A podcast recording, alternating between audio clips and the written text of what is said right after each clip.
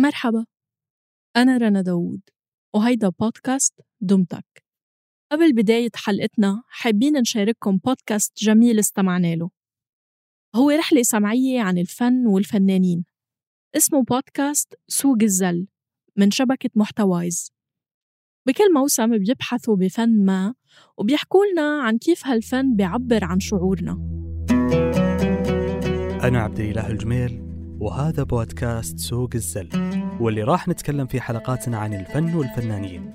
ونبحث مع بعض قديش الفن منا وفينا. راح تسمعون معانا الموسيقى المحلية والعالمية عن عمارة زها حديد وإبداع تطريز إلي صعب وسوداوية كافكا الله يستر منها عن فلسفة لوحة الصرخة. أو ليه عيون الموناليزا تلاحقنا بكل زاوية. موسيقى رسم عمارة والكثير من الفنون اللي تنتظر ندرسها ونشوفها من زاوية أخرى.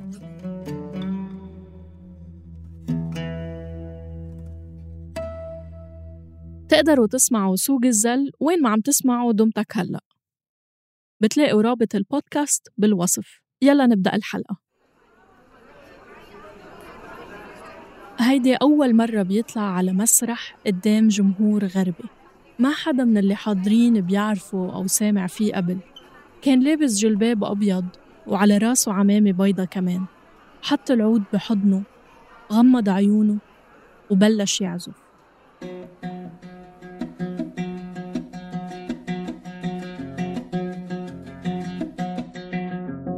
فجأة بطل يسمع ولا حس ولا نفس. كأنه الناس اختفوا أو ناموا. فكر للحظة إنه طفش الجمهور. هيدا جمهور معود يسمع بوب ديلن على الجيتار مش شب من النيل على العود.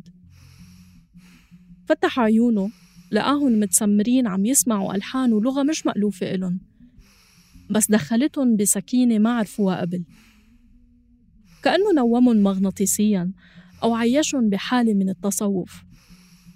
حس بانسجام الحضور واطمن وكمل يعزف لهم هيديك الليلة من سنة 1964 ومن وقتها شحن حمزة علاء الدين نفسه بثقة خلته يكمل عزف وغناء لأربعين سنة بعدها.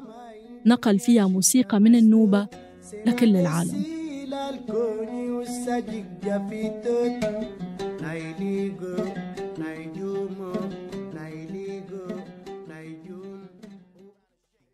مرحبا فيكم بالموسم الثالث من بودكاست دمتك. اخترنا لكم رحلة موسيقية ملونة. منزور فيها مناطق قريبة علينا لكن ما منعرف عنها كتير. شخصيات هالموسم الفنية بتحملنا حكايات فرقتنا عنا الحدود وبعدتنا عنا الاختلافات.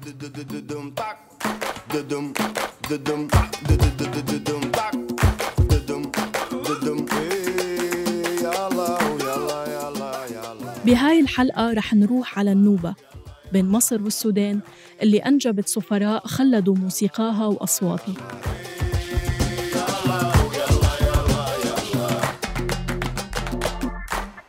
صعب نلاقي لقطات لحمزة علاء الدين بلا ما يكون ماسك العود.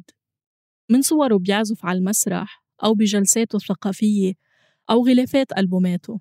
بالحقيقة العود رافقه من زمان كتير. خلق حمزة بقرية توشكي النوبية بأسوان. بطفولته كان يطلع على الجبل من الصبح عشان يسمع صوت الحمام أول النهار كان يتأمل موسيقى الطبيعة. وحب إنه يكون جزء منها. صار يجمع قش أو بوص الذرة ويعمل منها أوتار ويعزف. والد حمزة عارض ميوله الفنية بشدة. ومع هيك طموحه ما خمدت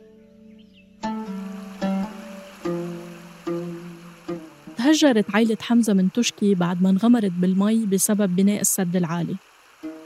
انتقلت العائلة للقاهرة. وهنيك مع صعود الراديو بلشت تتوطد علاقة حمزة مع الموسيقى لما بدأ يسمع أم كلثوم وعبد الوهاب.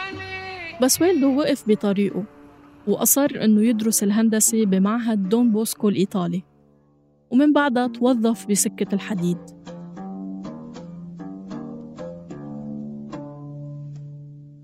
بس كل هيدا ما بعد حمزة عن الفن. لما قبض أول مرتب اشترى عود خاص فيه. في رواية بتقول إنه بعد ما اشتراه قعد جنب سور الأزبكية. كان في رجال كمان ماسك عود. قرب تجاه حمزة وسأله بتعرف تعزف عليه؟ طيب زبطته؟ هز راسه بالنفي فأخذ منه العود وضبطه وقال له لازم تتعلم. انت هتفضل طول عمرك تزبط فيه؟ بعدها بفترة عرف حمزة إنه هيدا كان الملحن زكريا أحمد. وفعلا بعدها حمزة بدأ يتعلم العزف. ودرس الموسيقى بمعهد الملك فؤاد اللي هو حاليا معهد الموسيقى العربية بالقاهرة. والعود مش آلة نوبية أصيلة لكن حمزة حس إنه إيقاعه بحاكي الموسيقى النوبية الفولكلورية. لما احترف العود تنقل على الحمار من قرية لقرية ليجمع الأغاني والنغمات النوبية عشان كان خايف تضيع مع الوقت خاصة إنه النوبية لغة محكية لكن غير مدونة.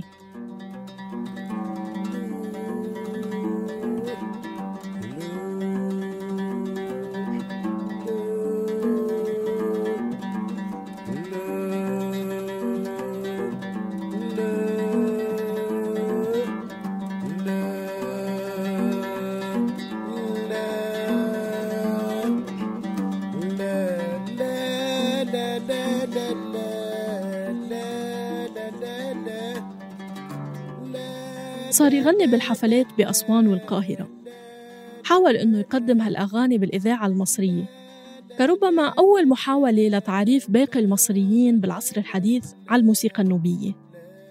لكن الموسيقار محمد الشجاعي المشرف على مراقبة الموسيقى والأغاني بالإذاعة ما عجبه الموضوع. الشجاعي اقترح على حمزة إنه ينشد موشحات دينية. بس مش هيدا اللي كان بباله. فرفض. بعد هالخلاف راح حمزة على السودان سنة 1954 بالسودان لقى حمزة مساندة أكثر من ما وجدها بمصر. وبالصدفة جاءت بعثة إيطالية للسودان لدراسة تاريخ الفن السوداني وكان مرافقهم لمعرفته باللغة الإيطالية من وقت دراسته الهندسة وعن طريقهم التحق بمنحة لدراسة الموسيقى بروما بس ما كان عارف شو ناطره.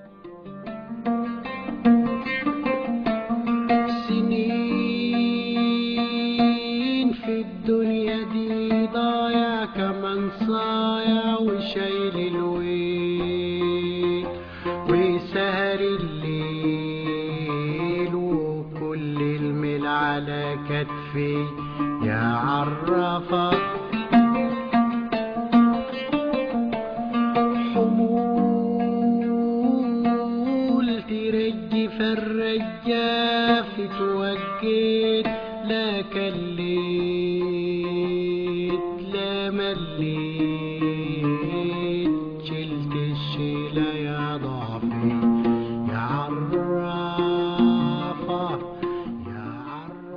بإيطاليا ما كانت سهلة.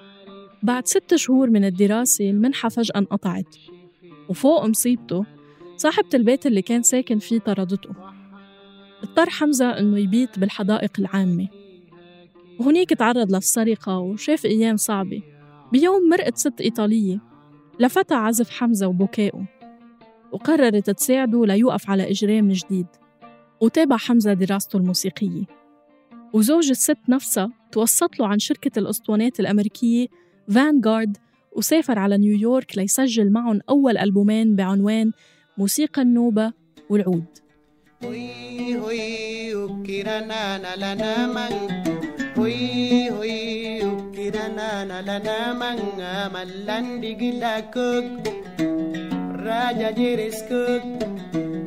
لندي جدا كوغا راجا جيرس كوغا لندي جدا كوغا جلا كوغا راجا جيرس كوغا لما انتقل لأمريكا بفترة الستينيات تعرف أكثر على موسيقيين يمكن كانوا ببداياتهم مثل بوب ديلن وجون بايز. وقدر إنه يبهرهم لأنه موهبته الموسيقية كانت تشكلت بالفعل. وبدأ حمزة يحيي حفلات بمجموعة من الولايات الأمريكية. بيقول الدبلوماسي السوداني عبد المجيد علي حسن اللي عاشر حمزة إنه الوضع السياسي بأمريكا وقتها ساهم بانتشاره. بهيديك الفترة حركة الحقوق المدنية لمناهضة العنصرية كانت بدأت تنشط وصارت تزيد مساحات التعبير عند السود. وكان فن حمزة المهاجر من أفريقيا بيتقاطع مع هالهوية وصار يمثل ما عرف بالموسيقى الإثنية. وهيدا كان مدخله لتدريس الموسيقى بعدة جامعات أمريكية مثل جامعة أوهايو وجامعة واشنطن وجامعة تكساس song is based on some traditional farmer songs and there are two different melodies and two different rhythms uh, attached to each other to give you a whole picture of a new Nubian song.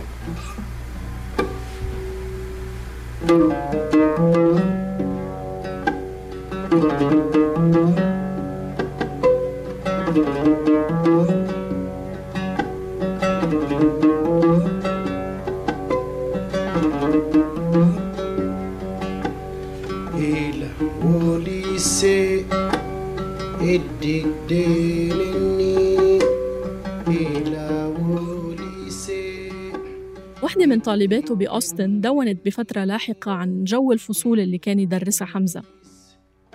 بتقول إنها بتذكر أول يوم دراسي جمعها فيه منيح. بدأ الطلاب يفوتوا على الصف على رواق. كان واضح إنه الأستاذ تأخر. طلعت حولها ولاحظت إنه الصف متنوع. خلطة من الألوان والانتماءات. شوية هيبيز بتلاقي اللي عم يدخن اللي عم يدردش. وجنبها كان قاعد شاب أسود مبين عليه بثلاثينات من عمره. دقنه كثيفة وكان عم يدخن بمزاج. حسيته فنان جاز لما اكتمل الحضور قام هالشاب عن الكرسي سكر باب الغرفة ورحب بالطلاب بلكنته الخاصة. هيدا كان الأستاذ حمزة مدرس غير تقليدي. أيام كان يعطيهم محاضرات عن الإيقاعات علمهم تقسيمات العود والتار اللي هو دفنه بأصيل وأيام كان يسرح ويحكي لهم عن قرى النوبة وحياة النيل. Uh, this one is the only uh, Nubian instrument the Nubian have before I will introduce you to them. And uh, to play this instrument or this drum, there must be three drummers because one is playing the uh, the bass, another one is playing the melody. And since I don't have another drummer, I will try to play bass by and uh, I will do an old song used to be played with this rhythm. العود اللي رافق حمزة بأمريكا بعز عطائه الفني كان مميز وأثري. يقال إنه مصنوع بسوريا من القرن التاسع عشر. اشتراه ب 100 دولار من متجر مكابي للجيتار بسانتا مونيكا بكاليفورنيا. هيدا العود كان منقوش على شمسيته أو القمرة أسماء المقامات العربية. وحمزة كان يعتني بالآلة كتير. في عادة اشتهر فيها كل ما قدم وصلة عزف على العود. قبل ما يبدأ كان يبل أصابعه بسبيرته ويمرقهم على أوتار العود عشان يعقمه. كان يعتقد إنه أصابع الإنسان بتخلي الأوتار تزيت وهالشي بيأثر على صوت العزف. وحمزة طبعا كان حريص على نقاء وعذوبة صوت العود. بسم الله الرحمن الرحيم.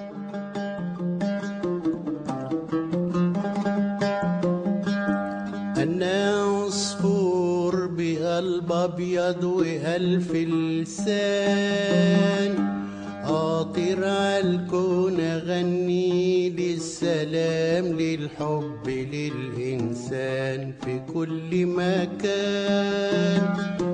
ماليش عنوان تغسل الأحزان. ده بر أمان.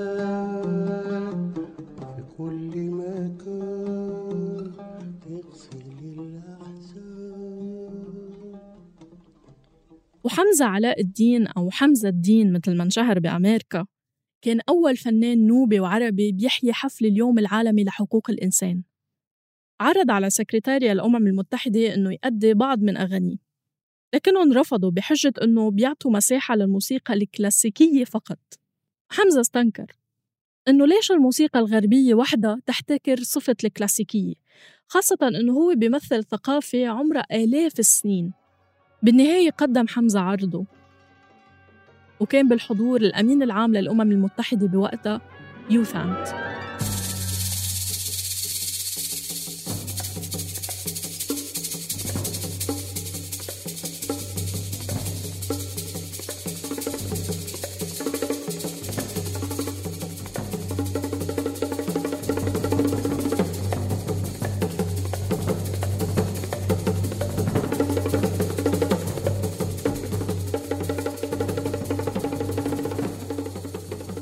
شارك حمزة بتأليف الموسيقى التصويرية لأكثر من فيلم أشهرها The Black Stallion وافتتح حفلة فريق الروك Grateful Dead بأهرامات الجيزة سنة 1978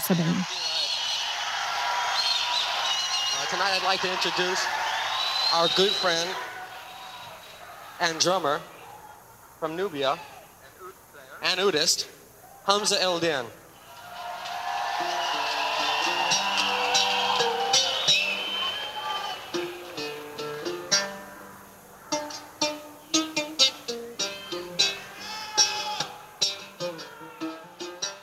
بالثمانينيات انتقل حمزة لليابان بعد ما أخذ منحة لدراسة المقارنة بين العود وآلة البيوة الوترية اليابانية. تعرف على زوجته اللي أخذت اسم نابرة النوبي اللي بيعني الذهب. ضل عايش باليابان لمنتصف التسعينيات وبعدها رجع على أمريكا. أصدر آخر ألبوماته أمنية بالتسعة وتسعين واشتغل على ألبوم بعده بس ما صدر لأنه توفى. بال 2006 مات حمزة بسبب مضاعفات بعد عملية جراحية واندفن بكاليفورنيا.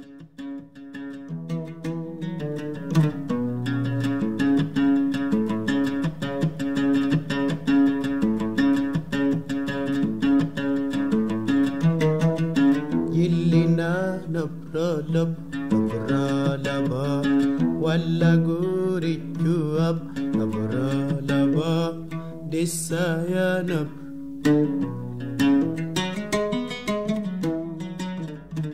كل هيدا النجاح بأمريكا وقبلها بإيطاليا وبعدها محطة باليابان ما كان كافي لينشهر حمزة علاء الدين بوطنه الأم. الصحافة العالمية كانت تسميه أبو الموسيقى النوبية لكن كتار ما سمعوا فيه لدرجة أنه منلاقي مانشات بيقول يعرفه العالم ولا يعرفه المصريون لا سلام لا جواب يا عز حبيب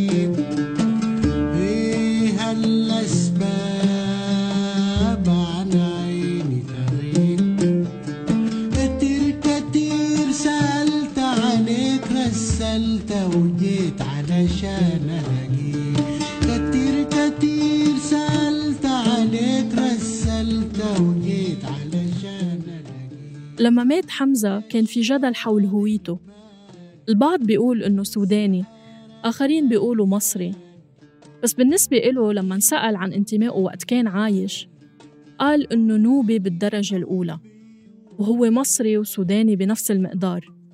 وكمان بيعتبر إنه إيطالي وأمريكي وياباني لأنه عاش وتفاعل مع كل هالبلدان. كان همه بس يكون موسيقي نوبي بغني للنوبيين قدام كل العالم.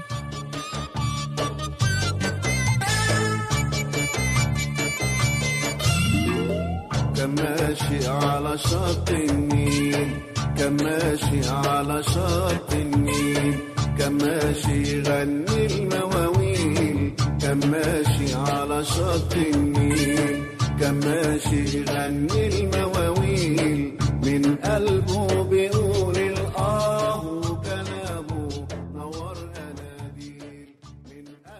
الحلقة بحث وكتابة هشام إسماعيل.